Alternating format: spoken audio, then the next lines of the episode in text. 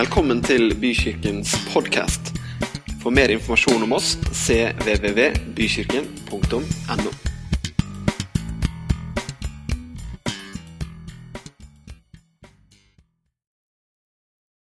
En Volvo Amazon med to forgassere. Hva er sannhet? er eh, tittelen for min tale i dag. Og jeg har eh, da klarert med Bent Ove Myreng, som ikke er her i dag, menighetens pastor, at det var greit jeg snakka om det i dag. For jeg traff ham på en kaffe, og så sa jeg er det greit at jeg snakker litt om, om eh, ting som skjer liksom i, i kirkelandskapet om dagen, og litt sånne ting? Eller, eller skal vi holde oss strictly til sånne personlig oppbyggende taler som handler om deg og dine behov hele tida? Eh, Så han sa det, det går bra, det. du klarer sikkert det på en fin måte. sa han. Så da, da får vi jo satse på det. Eh, Så det jeg har lyst til å snakke med dere om i dag, det er noe som ligger veldig hardt på mitt hjerte, har gjort det veldig lenge. Eh, Og det er en, tale, et budskap, som dypest sett handler om bibelforsvar. Apologetikk. Jeg vet, Ofte pleier vi å si til forsamlingen 'si halleluja', men la meg si 'si apologetikk'. Kjempefint, altså. Superbra. Eh, det var liksom den karismatiske delen av møtet, da. Eh, da er det gjort. Eh, I Bibelen så blir dette spørsmålet stilt. Han, eh, Jesus han kommer til Pontus Pilatus. Og eh, Pontus Pilatus sier til Jesus i eh, Johannes evangelium 18, 37 og 38.: Du sier du er konge. Eh, og Jesus svarte, 'Jeg har kommet for å vitne om sannheten.' Og, eh, og for, å, for å vitne om sannheten er jeg født, og derfor er jeg kommet til verden. Hver den som er av sannheten, hører min røst. Og Pilatus svarer, 'Hva er sannhet?' Hva er egentlig sannhet? Og Jesus svarer ikke noe mer. Det blir ikke noe mer ut av den samtalen der som Jesus utdyper. Men de forlater hverandre etter det spørsmålet. De blir på en måte hengende i luften, selv om Jesus har sagt For å vitne om sannheten er jeg født. Derfor er jeg kommet til verden. Og hver den som er av sannheten, hører min røst. Jesus snakker om seg, også om seg selv som veien, sannheten og livet. Og det er en ganske kraftig påstand. Fordi at i forhold til spørsmålet 'Hva er sannhet?' så er jo det noe som vi mennesker har holdt på med å spørre oss selv og svare på opp igjennom hele vår historie. Det er jo et stort filosofisk spørsmål. Hva er sannhet? Og i det hele tatt finnes det sannhet? Men Jesus påstår det. Han påstår at han er sannheten. Jeg er sannheten. Det blir personifisert i han. Det er en ganske kraftig påstand. Men hva betyr det egentlig i praksis at Jesus sier det? For det er jo sånne ting vi kan si. Jesus er livet. Jesus er svaret. Jesus er sannheten. Og det en person hadde skrevet på en dovegg du vet, Jeg vet ikke, altså, men Noen mennesker har alltid med seg tusj, tror jeg. Fordi at Når det er på offentlige toaletter, så er det tydelig at mange, mange går med tusjer på seg. Fordi at De skriver på doveggene da, mye forskjellig som står der, og så må du sitte og lese det. ikke sant? For du, du må jo være der litt. Eh, og på en sånn dovegg så, så jeg, har hel, jeg har faktisk en bok hjemme som jeg kjøpte med sånn doveggskriblerier. Veldig masse morsomt. Men en av de skribleriene var at noen hadde, svart, hadde skrevet 'Jesus er svaret!' Utropstegn. Og så så det var en annen ny tusj under. Ja, men hva var spørsmålet? Ja, det, det er jo ganske bra. Spurt det. Ja, men hva er spørsmålet? At Jesus er sannhet, det innebærer at det han sa, var sannhet. Hans ord er sannhet. Og ut fra Jesu ord så henter vi etikk, moral, livsprinsipper og menneskesyn osv. Og det former igjen hvordan vi tenker, og det former igjen hvordan vi lever. En konsekvens av kristen tankegang som tar utgangspunkt i Jesus, er f.eks. om noen vil diskutere om det helt er sånn, det er mange faktorer, men allikevel demokrati. Det er noe som har oppstått i først og fremst de kristne landa i verden. Og hvorfor det? Er det tilfeldig at demokrati har oppstått i de kristne landa i verden? Nei, det er ikke tilfeldig. Fordi at den kristne tanken er denne at Gud har skapt hvert enkelt menneske med fri vilje. Den kristne tanken er også at Gud har skapt hver, hvert enkelt menneske med evne og ansvar til å ta vare på sitt eget liv. Til å styre sitt eget liv. Det har hver enkelt av oss fått. Og Derfor så blir en tanke om diktatur eller om enevelde det strider da imot en kristen tankegang som har sitt utgangspunkt i hvordan vi forstår skapelsen og hva slags menneskesyn vi har. ikke sant? Sånn sett så blir Jesus svaret i forhold til hvordan skal f.eks. politikken og land se ut og styres. Thomas Aquinas, som var en eh, katolsk teolog og filosof på 1200-tallet, hvor det var mye aristokrati, eh, var det det het, og monarki.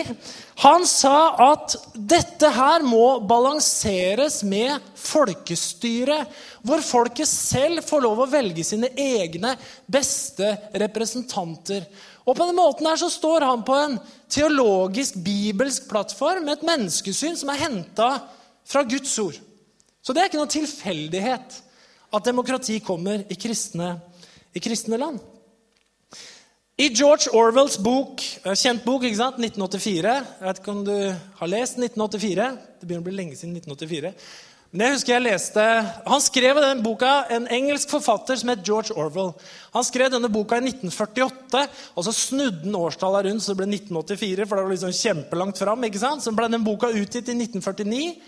Men han hadde jo da en, en framtidsvisjon på hvordan et fascistisk samfunn kunne se ut i 1984. Og Jeg tror jeg leste den boka i 1980, eller noe sånt. og jeg tenkte nå er det snart 1984. Liksom, og mye av det her er mulig. Men den boka den, den handla om et samfunn i et litt mørkt og dystert bysamfunn i London, hvor Big Brother, storebror Kanskje ikke du visste det, men The Big Brother-uttrykket det kom da fra George Orwells bok fra, om 1984. Som alltid ser deg. Tankepolitiet eh, overvåker innbyggerne til enhver tid. Og så er det noe, et, et, noe som heter Sannhetsministeriet, som styrer da denne byen, denne verden her, og forteller folk hva de skal tenke osv. osv. Partiets mål er å oppnå kontroll over eh, innbyggernes bevissthet, følelser. Og det ble eh, utvikla et nytt språk, blant annet, som ble kalt for nytale. Som er en forenkla versjon av dagens språk, med så få beskrivende ord som mulig og lite synonymer. Det var fordi at man skulle klare å lage en så forenkla hverdag som mulig, og et så forenkla virkelighetsbilde som mulig, og kunne omskrive historien. Og de har eh, noen ting som de da sier. De omdefinerer virkeligheten, og dette styret de sier da at krig er fred, frihet er slaveri, og uvitenhet er styrke. Så de snur på hodet da, ikke sant? alle disse verdiene. Og boka handler om hvordan folk da Eh, tar denne tankegangen og begynner å tro på det og begynner å leve etter det, og hvor eh, informasjonssamfunnet er veldig utvikla, sånn som vi har i dag. Det kan eh, veldig artig lesning, egentlig. Hvor det er liksom skjermer hvor man kan se begge veier, sånn at storebror kan overvåke hele tida. Kontrollere menneskers tanker. Men ideen er altså krig er fred, frihet er slaveri, og uvitenhet er styrke. Og Sånn sett så snus allting på hodet. da. Og Vi kan jo lese i Bibelen om det her om kong Salomo, som snakker om at de som går bort fra Guds ord, fra loven, de priser den urettferdige. Ikke sant? Altså Det gode blir ondt, og det onde blir godt. Man snur om på virkeligheten. Og det her er noe som går igjen mange ganger i Bibelen også. Eh, I 1984-samfunnet i den boka her, så blir folk hjernevaska til å tro at krig er fred. Uvitenhet er kunnskap, osv. Og vi kan tenke at eh, bare en notis til, Den boka ble skrevet som en sånn motreaksjon da, til fascisme, ikke sant? som jo nettopp klarte det her. Og vi kan tenke at i et moderne, opplyst samfunn så ville sånne teser aldri finne fotfeste. Men virkeligheten er at vi skal ikke mer enn 60-70 år tilbake. Så er det altså en av verdens datidige og nåtidige mest utvikla nasjoner, både Eh, filosofisk, historisk, teknologisk, industrielt, utdannelsesmessig, alt sammen. Tyskland var helt på verdenstoppen når det gjaldt å være framme på alle de områdene som vi mener er viktige. Og Allikevel så går den nasjonen da i fella til Hitler, som jo sier på mange måter her at krig er fred. Vi må drepe for å få fred. Ikke sant? Og det er ikke lenger tilbake enn vår beste, eller i hvert fall min besteforeldregenerasjon, som opplevde akkurat det her. Hva er sannhet? Fordi at Veldig ofte så blir det her med tid og utvikling det blir brukt til forsvar når ting skal endres på både det etiske og moralske området. Vi hører gjerne argumentet her vi lever tross alt i 2016 og ikke på 1800-tallet. Har du hørt det? Vi lever tross alt nå, altså. Med andre ord, i en sånn måte å snakke på så ligger det jo at det, vi forstår jo alt mye bedre nå. Vi blir jo ikke lurt sånn som før nå lenger. Det er nesten umulig, for nå lever vi tross alt i 2016. Så det er jo sånn innbakt sånn positivistisk holdning da, at alt blir bedre. Mennesker vi blir klokere og klokere. Vi forstår mer og mer. Vi begriper mer og mer. Og det er jo kjempekontrast til det gammeldagste. Det som var i går. Det som er passé, det som er utdatert osv. Men vi bør ikke bare bruke Hitler-Tyskland. Vi kan bruke Hitler-Tyskland, for det er et enormt eksempel på at det er så feil. Det holder ikke å argumentere på den måten der. ikke sant? Det går ikke det. De kunne ha sagt Vi lever jo tross alt i 1940. Vi lever jo ikke på 1700-tallet. Vi vet jo nå at jødene har manipulert hele verden økonomisk i 2000 år. Vi vet jo nå, etter å ha forska på rase gjennom 1800-tallet, at det er noen raser som er overlegne andre raser. Nå har vi jo sikker kunnskap om det her. Du vet, Det var jo ikke synsing, det var jo vitenskap. Og ergo må vi jo handle. Ja, men dette er jo feil. Hallo, vi lever da tross alt i 1940. Vi lever jo ikke på 1700-tallet. Og så satte de i gang. Men i møte med det argumentet her, med at vi tross alt lever i 2016, så kommer selvfølgelig kristendommen dårlig ut. Så kommer jo selvfølgelig Bibelen veldig dårlig ut, for den er jo veldig gammel. Altså, Den kan jo på en måte ikke være aktuelt. Men spørsmålet er hva ville du eid? Ville du eid en Stradivarius? Eller ville du eid en fiolin som du kjøpte på musikkforretningen her oppe, som er helt ny, som er lagd i Kina? Ja, Du ville jo hatt en Stradivarius. ikke sant? Du spiller jo fiolin, du vet jo hva du snakker om. Selvfølgelig, Man ville jo hatt en Stradivarius, for det er jo enkelte ting som var før, som faktisk er bedre enn det som er nå. Jeg mener, Ville du kjøpt et samuraisverd på Nille, eller ville du kjøpt et samuraisverd lagd på 1200-tallet av en som het Masamume, som lagde verdens beste samuraisverd? Det er klart, Du ville jo heller levd på 1200-tallet da. Det er ikke sånn at alt blir bedre bare fordi at åra går. Noe blir jo bedre. Jeg, for eksempel. Men altså Nei da. Noe blir jo selvfølgelig bedre, er ikke det jeg snakker om. Men det er jo ikke nødvendigvis sånn at ting blir bedre bare fordi åra går. Henger du med på det? Ikke sant? Eh, fordi Da blir det veldig rart. Men i møte med mennesker som har en uendelig tro på menneskets liksom, egen fortreffelighet og utvikling, så blir det veldig bakstrever å kommer en gamle bok som skal definere sannheter om livet. For sannhet, det blir Og noen områder er det sånn på at sannhet er, blir fleksibelt. Men ikke om alt. Det er ikke alt som er sånn at det som var sant i går, er ikke sant lenger i dag. Det er ikke alt når det gjelder sannhet, som er helt fleksibelt og tøyelig. Noe må jo være sant om noe. Ikke sant? Bibelen har jo faktisk Unnskyld meg, men Bibelen har på mange måter et ganske pessimistisk bilde av oss mennesker. Derfor så trenger vi å bli frelst. Vi trenger faktisk hjelp, altså. Vi trenger å bli frelst. Fordi Bibelens bilde av mennesket er at eh, mennesket har falt. Mennesket er syndig. Mennesket er ikke mulig å liksom forbedre uten at det skjer noe veldig drastisk. Noe som gjorde at Gud sendte Jesus for å frelse oss, for å redde oss fra oss sjøl og våre egne synder. Ikke sant? Det er liksom noe av kjernen i evangeliet. Og vi lærer ikke, vet du, vi mennesker, selv om vi erfarer veldig mye. Etter andre verdenskrig, da det dødd over 50 millioner mennesker,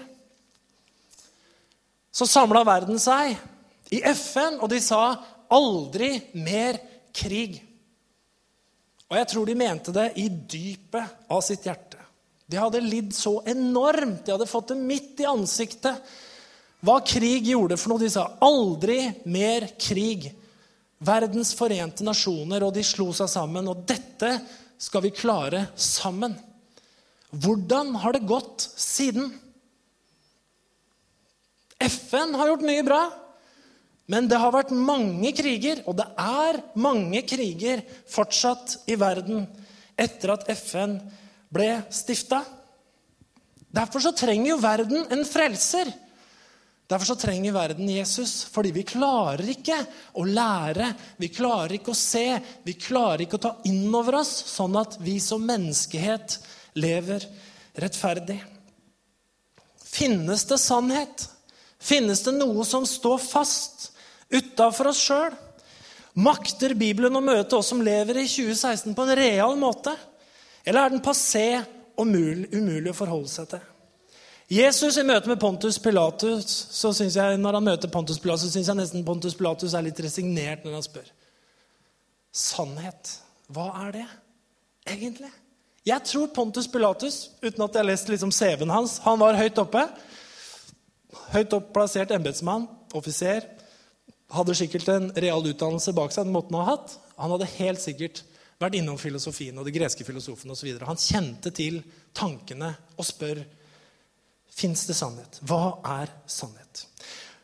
Og når sant skal sies, så kan vi ikke alltid si at det finnes en sannhet om alt. Selvfølgelig ikke. Mye er relativt, men alt er ikke relativt. Da snakker ikke Jesus sant, hvis alt er relativt. Apropos relativt. Jeg husker en jeg spilte i hornorkester en gang, satt ved siden av en som fikk dilla på å si det. Uansett hva som skjedde, så sa han alltid 'alt er relativt'. Alt er relativt. Han sa det hele tida. Jeg skjønte ikke hva det betød den gangen. Men uh, uansett Alt er liksom justerbart og spørs hvordan du ser det. ikke sant? Spørs hvordan innfallsvinkel du har på det, osv. Så, så, så hvis en kjefta og sa 'dette er helt feil at vi gjør sånn og sånn', og sånn, så svarte han bare 'alt er relativt'. vet du. Ja, og så tenker folk at Da siterer de Einstein, ikke sant? for han som liksom kom med relativitetsteorien. Men relativitetsteorien handler ikke om etikk i det hele tatt. Den handler om hvordan naturen oppfører seg ved ekstreme hastigheter eller i et gravitasjonsfelt. Det har ikke noe med etikk å gjøre. Relativisme i etikk handler om noe helt annet. Det handler om at det ikke finnes standarder for objektivitet, sannhet eller rasjonalitet eller noe som er felles på tvers av kulturer eller historiske perioder.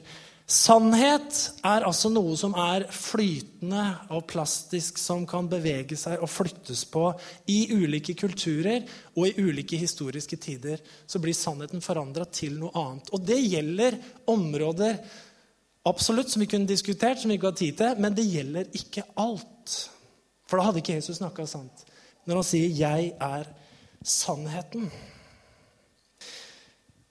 Dersom det ikke finnes Hva mener vi med objektiv sannhet? Med objektiv sannhet så mener vi at noe er sant uansett. Ikke sant? Det står fast som sant. Uansett historie, sammenheng osv. Så, videre, så er det grunnleggende sant.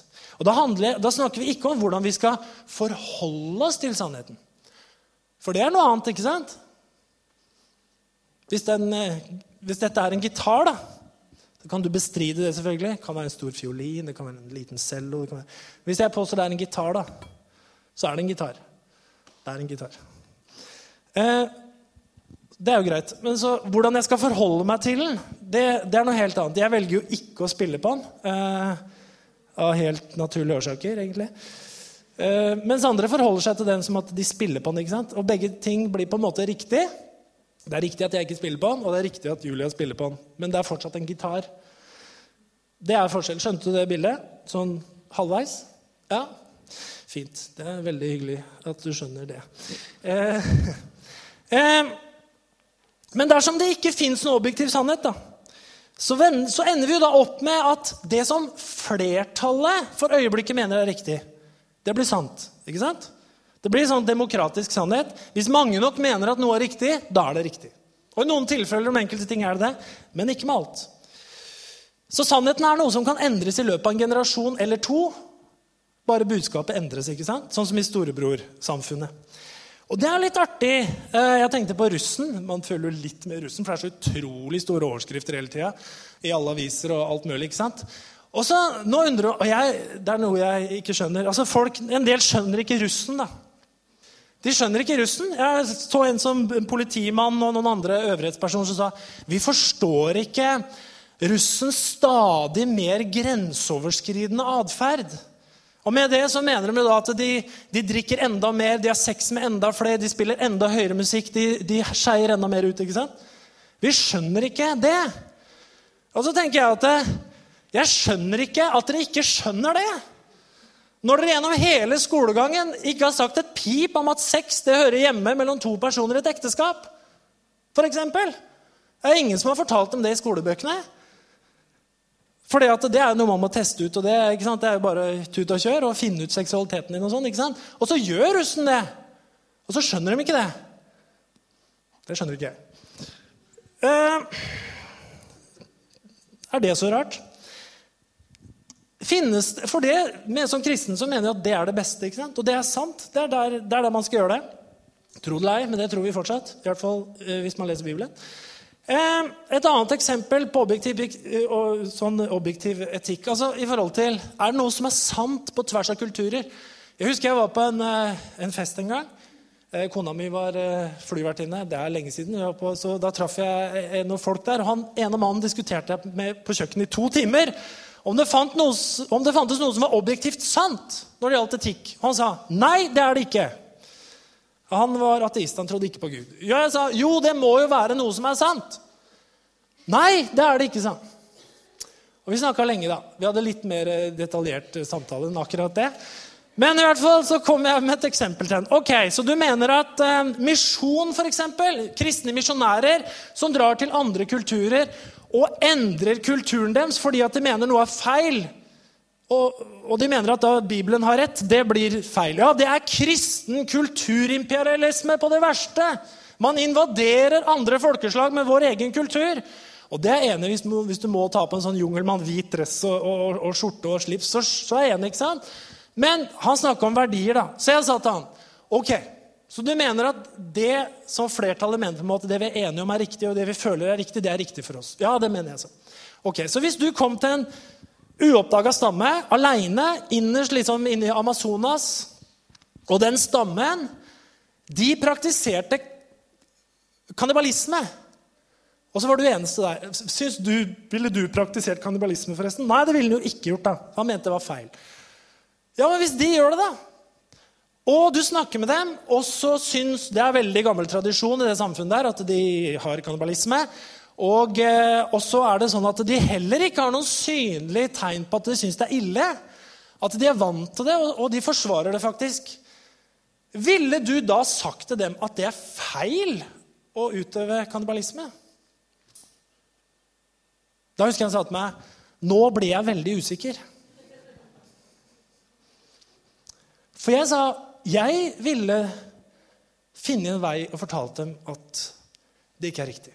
For jeg tror det er noe som er sant om det.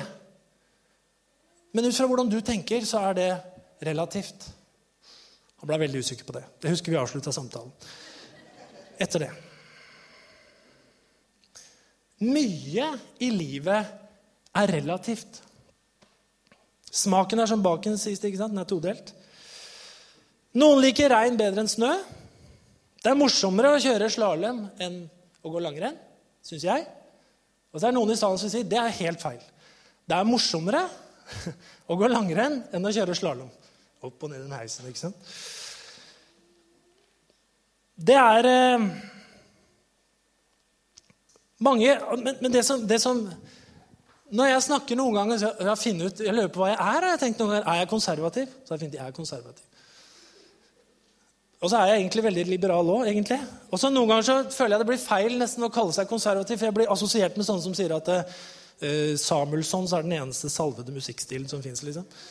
Eh, hvis noen vet hva Samuelsons er. Jeg ville aldri hørt på Samuelsons. Det er liksom verste musikken jeg vet om. Det er akkurat samme musikkstil som Vikingerne. Og de er jo liksom et helt annet sted, for å si det sånn. Det er nesten så Christer Sjøgren har salva stemme, vet du, for han synger på den måten. No, ikke sant? Jeg klarer ikke å identifisere meg med det. Eller, eller jeg klarer ikke å identifisere meg med sånne ultrakonservative som må vise fram hvor prektig det er hele tida. Det er en sånn video altså God bless him, holdt jeg på å si. Det er en sånn video av Ted Cruz da, i valgkampen, da, hvor han satt sammen med familien sin rundt spisebordet hjemme. Og alle var sånn helt strøkne. Det var ikke ett feil hår på noen av barna. ikke på han eller noen ting. Og de satt og ba ikke sant, sånn veldig fin bordbønn. Og, og, det skulle vises for hele Amerika for å fortelle hvor kristne de var. Da. Og da det får jeg problemer med å identifisere meg med. merker jeg. Det blir så veldig strigla. Så det handler jo ikke om det, men det handler jo, noe må jo allikevel være sant. Ikke sant? Jeg skal komme meg litt videre her. Relativisme, at alt er relativt, står, står som i kontrast til Gud, til Jesus og det kristne livet. For Jesus snakker om sannhet, han snakker om seg selv som sannhet. For oss som er kristne, så handler det sannhet om at vi anerkjenner Gud. Vi anerkjenner Jesus som sannhet. Sannhet er noe vi aksepterer. Sannhet er noe vi eh, underlegger oss, det er noe vi underordner oss. Vi gjør Jesus til herre i livet vårt. Og i det begrepet å, legge, å gjøre Jesus til herre så innebærer at vi gir avkall på en del rettigheter i forhold til hvordan vi ser ting. Vi legger oss under Guds ord. Vi underordner oss Jesus. Vi setter han som herre i livet vårt. Er vi med på det? Det er vanlig kristen tankegang. ikke sant? Selv om det er kontroversielt å si for mange i dag, fordi at verden tenker så annerledes. Eh, relativismen åpner i ytterste konsekvens for et veldig følelsesmessig forhold til sannhet. Det vi føler, blir sant for oss. Og som jeg sier igjen, i mange tilfeller så kan følelsene dine fortelle deg akkurat hva som er sant. Jeg har hatt mange opplevelser hvor jeg har følt noe veldig sterkt å være riktig, og så har det vært midt i prikk. Men jeg har også følt ting som viste seg å være helt feil. Har du erfart det samme? Helt sikkert. Hvis du har vært menneske en stund, så har du helt sikkert erfart det her. Fordi at følelsene våre i ytterste konsekvens de er ikke helt til å stole på. Mens i verden i dag så er det jo en voldsom vektlegging på følelser. Det du føler rett for deg, er alltid rett for deg. ikke sant? Sånn Litt karikert sagt så er det veldig ofte sånn det er. Og ingen følelser er forbudte. Jo, det fins forbudte følelser. Nei, jeg må ikke snakke om forbudte følelser. Det blir veldig minnestengt, blir veldig farlig. Ja, Det kan bli det, men det går an å snakke om forbudte følelser. Det er forbudte følelser når f.eks. Bibelen sier at du skal ikke begjære din nestes eh, kone eller mann. Din nestes hustru. Ja, hva betyr det? Det er forbudte følelser. Du skal ikke holde på med det. Hvis du går rundt og begjærer kona til en annen, så slutt med det. Du skal ikke gjøre det. Ja, jeg føler jo veldig Ja, men da må du jobbe med det. Men du må ta ansvaret for følelsene dine. Bibelen er veldig klar på det hele veien, at følelser kommer og går. ikke sant? Men du må ta ansvar for følelsene dine. Følelsene kan ikke liksom bare diktere alt. ikke sant? Så hvis du forfølger den følelsen og bygger opp videre på den følelsen at jeg begjærer min nestes kone, og det er henne, ikke sant, og det er henne, så kan det skje mye rart. Jeg har treffet folk jeg, som har eh, uten skrupler lagt an på en annens kone og lykkes med prosjektet og revet i stykker en familie. Ikke sant? Det var følelser som aldri burde fått næring. Et tydelig, moderne eksempel på det det er noe av det som skjer i kirken i dag, som river kirken i stykker. Som handler om følelser og seksualitet. Der Bibelen, den gamle boka, står i motsetning til moderne sannheter om identitet og seksualitet.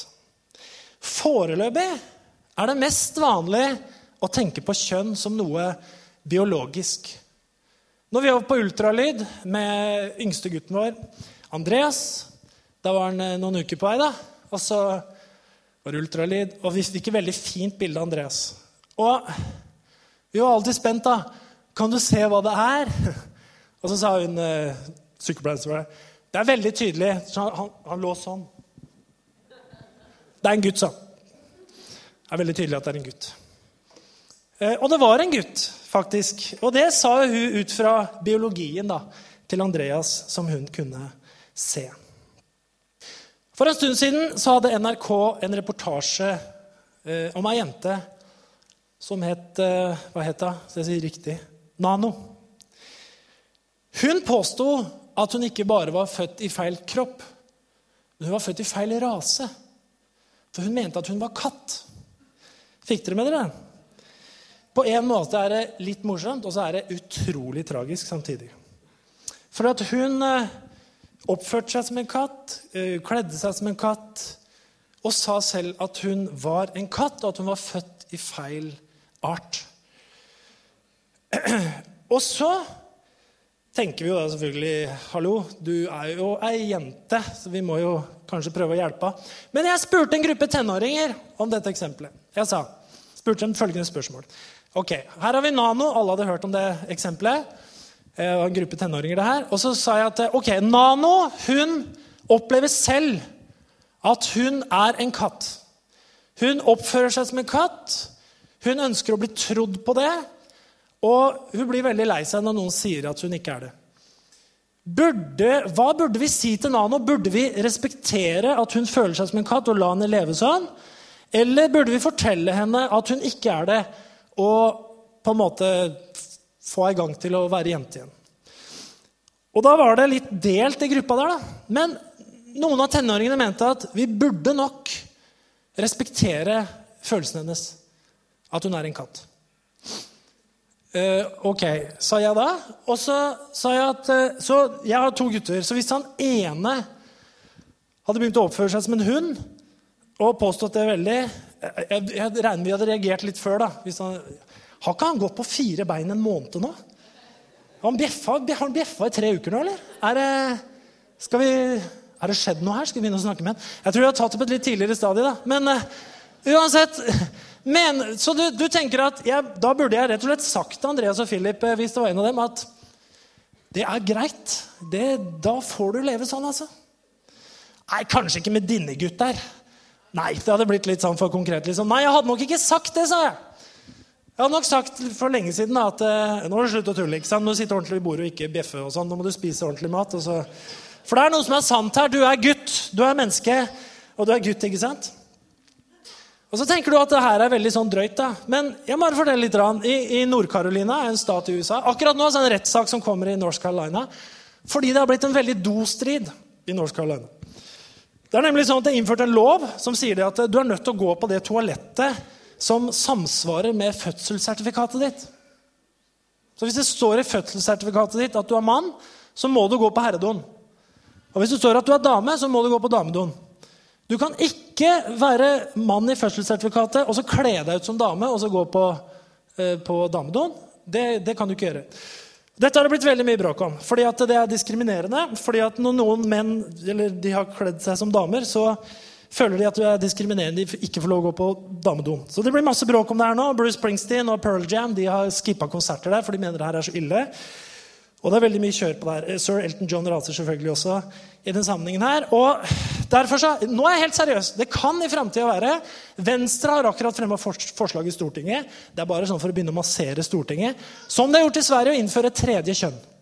Hen. Noen føler seg som han, noen føler seg som hun. Og så er det noen som ikke føler seg som noen ting. Så da har de et tredje kjønn. Det er hen. Så sannsynligvis, hvis det her går igjennom, kanskje det kommer i Sverige først, jeg vet ikke, så kommer vi til å få tre toaletter, offentlige toaletter. Jeg tuller ikke, altså.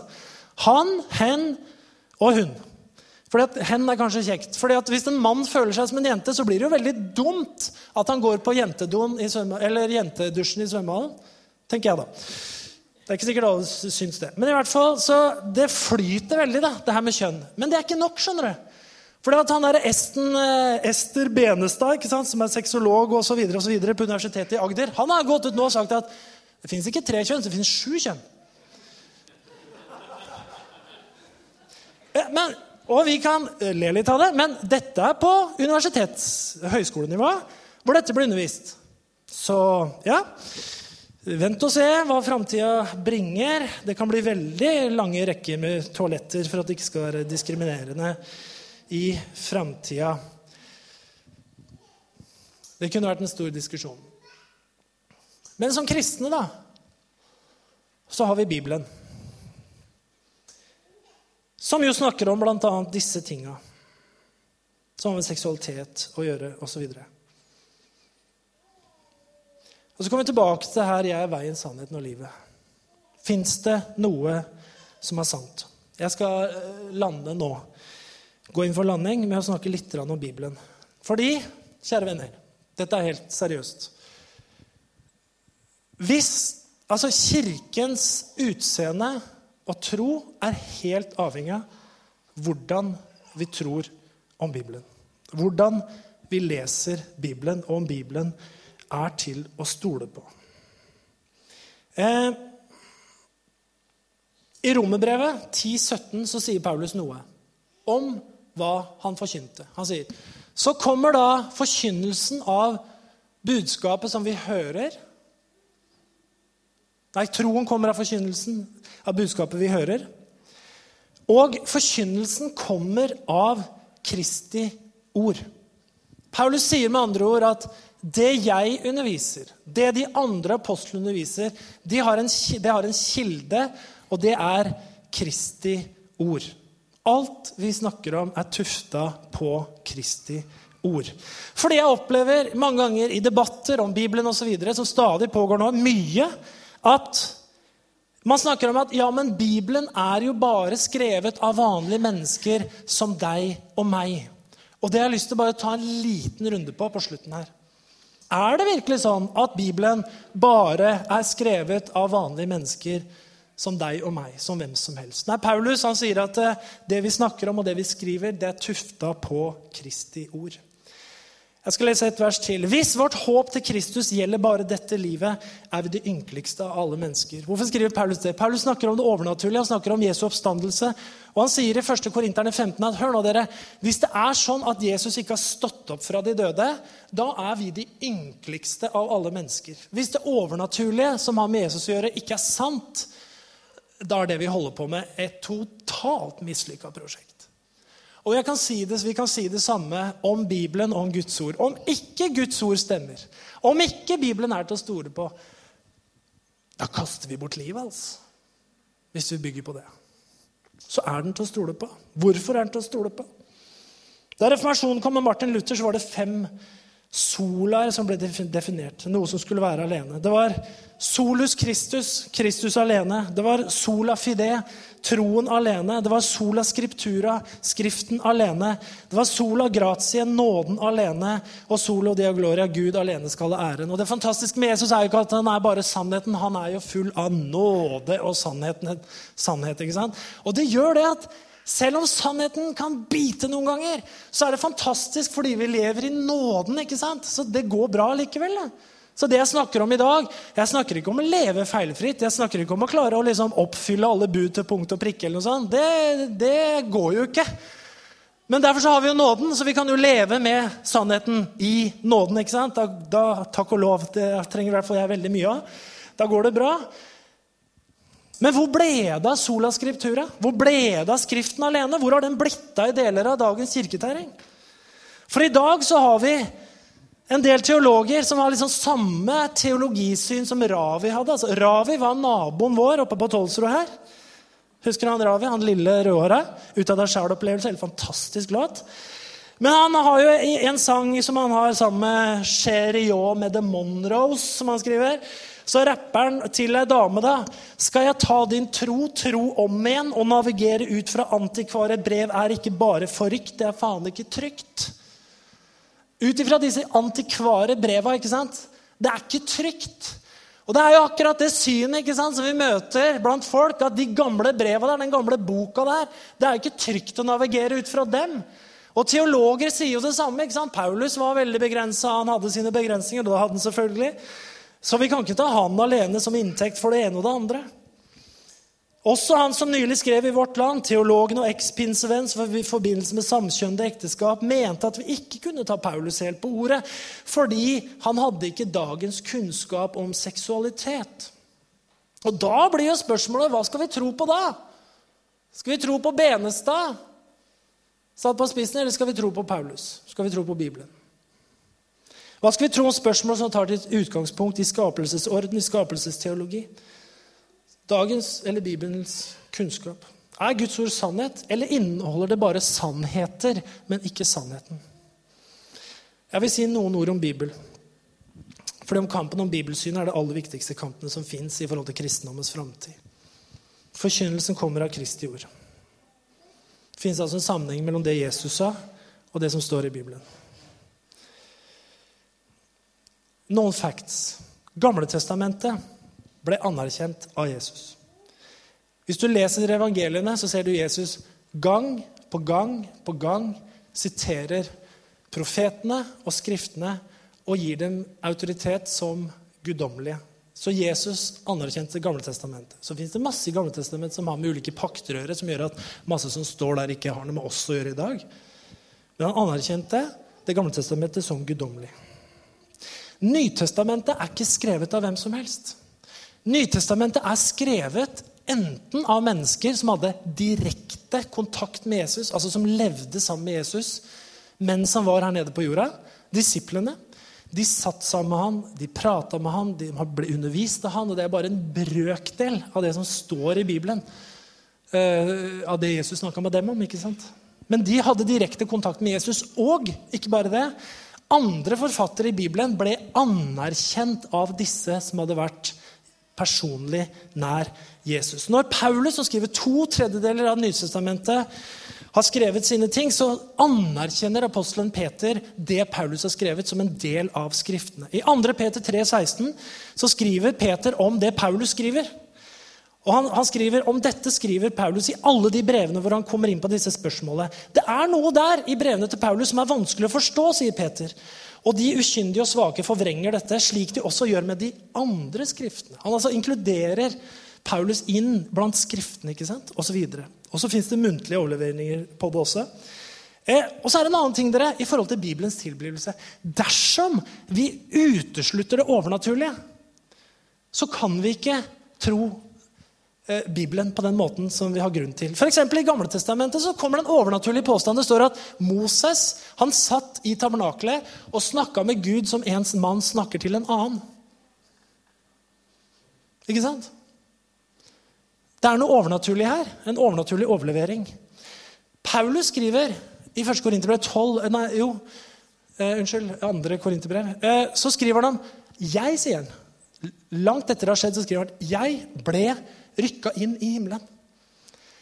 Om jeg var i kroppen eller om jeg ikke var i kroppen, eller om jeg var i ånden, jeg vet ikke, men jeg ble rykka like inn i himmelen, sier han. Og jeg fikk høre ord som det ikke var mennesker tillatt å høre. Altså, Paulus hadde opplevd noen åpenbaringsdimensjoner med Gud som var litt utover vanlige mennesker. Ikke sant? Så det er noen åpenbaringsdimensjoner rundt det her som liksom ikke bare er at han fikk noen tanker som han skrev ned ut fra sin begrensa innsikt.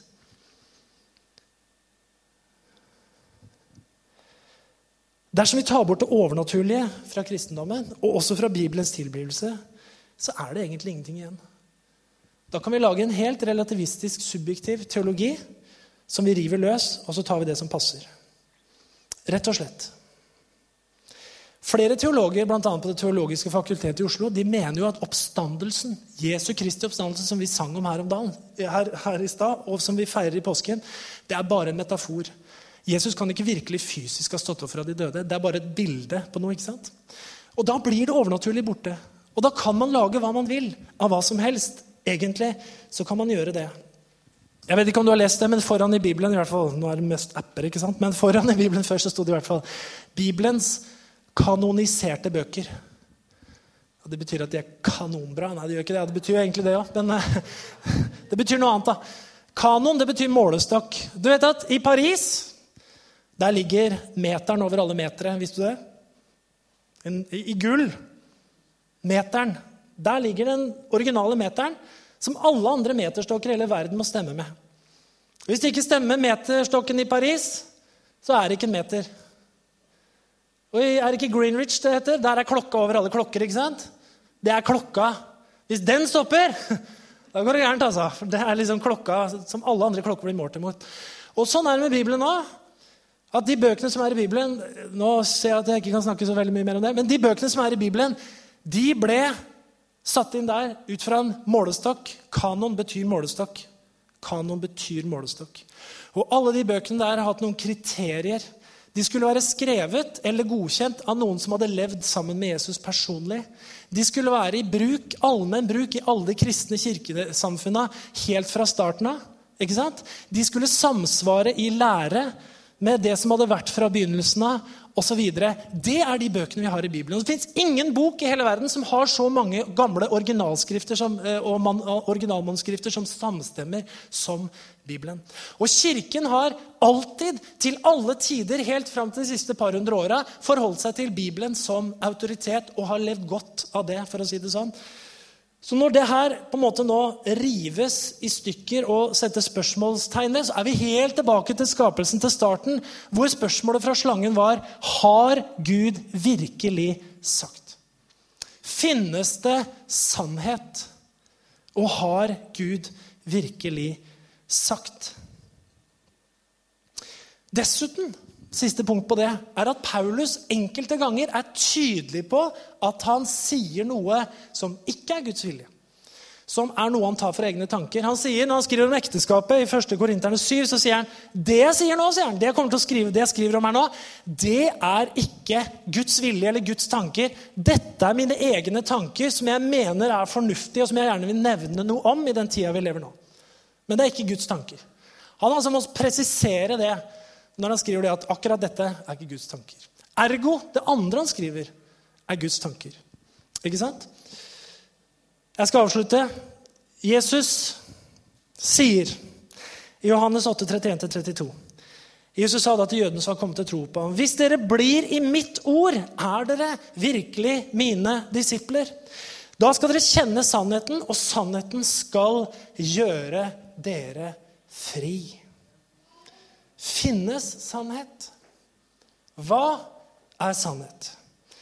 Jesus er sannhet. Salme 119 sier, 'Summen av ditt ord er sannhet'. Vi kan ikke rive ut vers her og der. Summen av ditt ord er sannhet, og dine rettferdige lover varer for evig. Kanskje lovsangsteamet kunne komme opp hit. Hva slags frihet er det Jesus snakker om? Da er vi tilbake til evangeliet. vet du det fantastiske evangeliet. Når Jesus kom, så gikk han rundt og gjorde godt og helbreda mennesker. ikke det fantastisk? Sånn som Gunnar, som kunne vitne om at nå skjer det jammen helbredelser i bykirken òg. Jeg tenker Det må du gjerne fortsette å gjøre. Amen. Hvilken frihet snakker Jesus? Han snakker om samvittighetsfrihet gjennom nåde og tilgivelse. Han snakker om frihet fra indre og ytre undertrykkelse. Han snakker om frihet fra sykdom og plager. Halleluja. Jesus er frelser. Han er sannhet. Og når vi gir oss til sannheten, så, så vil han sette oss fri, så vi opplever mye godt. Herre, jeg takker deg for at du eh, for at du var så frimodig, Herre, når du kom, at du turte å si at du var veien, sannheten og livet. Jeg takker deg også, Herre, for at du ga dine ord videre til de du levde sammen med, de som var nærme deg. De som ble apostler, Herre. Jeg takker deg, Herre, for at vi kan få lov å stå på den samme grunnvollen som Kirken alltid har stått på, Herre. På apostlenes og profetenes grunnvoll. Jeg takker deg, Jesus, at ditt ord er evig. At det varer for evig, Herre. Takker deg, Herre, for at ditt ord er helbredelse. For at ditt ord gir klarhet, det gir frihet, sann frihet, Herre. Jeg priser deg for det, Herre Jesus Kristus. Vi kan ta oss og reise oss opp, og så kan vi synge til Herren litt. Men eh, det er jo sånn da at uh, han som er sannheten, han er her. Og vi må gjerne gjøre det sånn at uh, du kan komme fram etterpå hvis du vil det. Og hvis du ønsker forbønn og uh, motta det. Uh, ønsker du å ta imot Jesus som frelser og Herre, så må du gjerne komme og snakke med oss. Skal gi mikrofonen til Gunnar, og så avslutter jeg. Men Gud velsigne deg. Og ta vare på tanken din. Det står i Bibelen Elsk Herren i Gud av hele ditt hjerte, av all din kraft og all din forstand. Og det er viktig å Forstand, vet du. Vi må tenke òg. Tenke, ikke sant? Hva er som er riktige tanker? Fins noe som er sant. Amen. Det her skal vi diskuteres i live-grupper til uka, så du får manus og sånn. så vi diskuterer